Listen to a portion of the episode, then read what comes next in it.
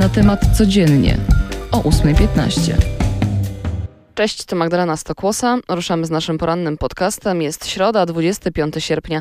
Zaczynamy od Afganistanu, a właściwie od informacji ONZ-u. Wczoraj wysoka komisarz Narodów Zjednoczonych do spraw praw człowieka Michelle Bachelet powiedziała, że ostatnie doniesienia na temat przeprowadzonych przez talibów egzekucji można uznać za prawdziwe, tak samo jak informacje o innych przypadkach naruszeń praw człowieka w Afganistanie.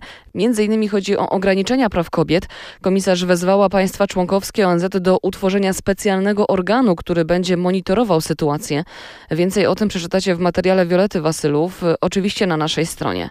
A pozostając jeszcze w tym temacie, talibowie zakazali wstępu Afgańczykom na lotnisko.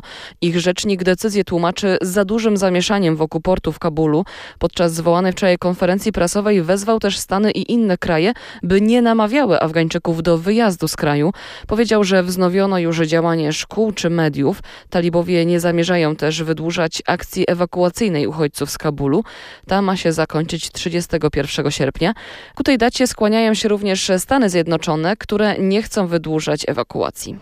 Do Polski dziś w nocy przyleciał natomiast kolejny samolot z Uzbekistanu. Jak poinformował wiceminister spraw zagranicznych Marcin Przydacz, na pokładzie znalazło się kilkudziesięciu Afgańczyków, o których ewakuację poprosiła Litwa. Z Okęcia teraz oni będą wysłani samolotem na Litwę. Z podobnymi prośbami zgłosiła się do Polski Estonia, Łotwa, Chorwacja i Grecja. Polskie władze zapowiadają, że im również pomogą. To teraz o sytuacji na polsko-białoruskiej granicy, a właściwie o tym, że tam nadal bez zmian. Dalej do koczujących tam imigrantów nie ma dostępu. Straż Graniczna pozostaje nieugięta, tak jak i polskie władze. Prawnicy alarmują, że to łamanie prawa konstytucji, ustaw krajowych, o kodeksie karnym, o prawie unijnym czy konwencji genewskiej. O tym pisze dziś na naszej stronie głównej Katarzyna Zuchowicz. Polecam wam jej materiał, sprawdźcie koniecznie. Przenosimy się do Tokio. Tam rozpoczęły się Igrzyska Paraolimpijskie. Ba, już nawet rozdano pierwsze medale.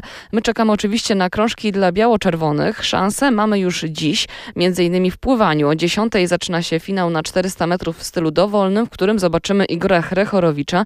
Na 100 metrów grzbietem walczyć będzie z kolei Kamil Otowski i Jacek Czech.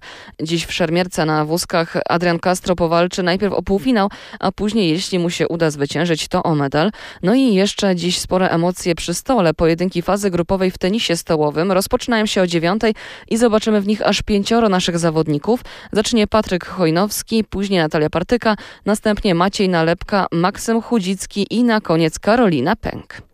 Przy sporcie zostający Polki dziś zmierzą się z Bułgarkami w siatkarskich Mistrzostwach Europy. To ich ostatnie spotkanie w fazie grupowej. Są już pewne awansu, ale chcą oczywiście wyjść z pierwszej pozycji w grupie. Trzymamy kciuki, a początek spotkania o 19.30.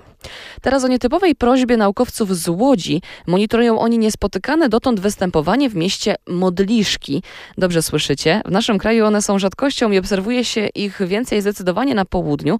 Dlatego jeśli ktokolwiek z Was zaobserwuje tego owada w Łodzi, no to nie łapcie go oczywiście, bo modliszki są pod ochroną w Polsce i są gatunkiem zagrożonym. Zróbcie najlepiej zdjęcie i udostępnijcie w sieci i koniecznie oznaczcie Uniwersytet Łódzki i Polskie Towarzystwo Entomologiczne. Teraz smutna informacja, która dotarła do nas z wysp. Nie żyje Charlie Watts, perkusista Rolling Stones. Był członkiem zespołu niemal od początku jego istnienia. Brytyjskie media piszą o Wattsie jako jednym z no, najlepszych perkusistów rockowych świata. Zmarł w szpitalu w Londynie. Kilka dni wcześniej miał przeprowadzoną operację serca. Miało 80 lat. Zmieniamy temat. Nowy Jork, jak Warszawa, to miasto ma najwyższe czynsze w kraju. Nowy Jork zepchnął tym samym dotychczasowego lidera, San Francisco. Średnio za dwupokojowe mieszkanie z kuchnią trzeba zapłacić ponad 2800 dolarów. Całkiem sporo. Pozostając jeszcze w Stanach, dziś tam premierę ma dziesiąty już sezon American Horror Story. Ta seria będzie podzielona na dwie, każda z inną fabułą, więc zapowiada się obiecująco. To jeszcze o jednej premierze, tym razem z Netflixa. Tam już możemy oglądać produkcję Otwórz oczy. To dramat psychologiczny oparty na książce Druga szansa Katarzyny Bereniki Miszczuk. Jego główna bohaterka po wypadku ląduje w ośrodku leczenia amnezji, w którym jednak nie do końca będzie chciała zagrzać miejsce. Całość ma sześć odcinków. No to na tym dziś kończymy. Magdalena Stokłosa, dzięki i do usłyszenia oczywiście jutro. Cześć.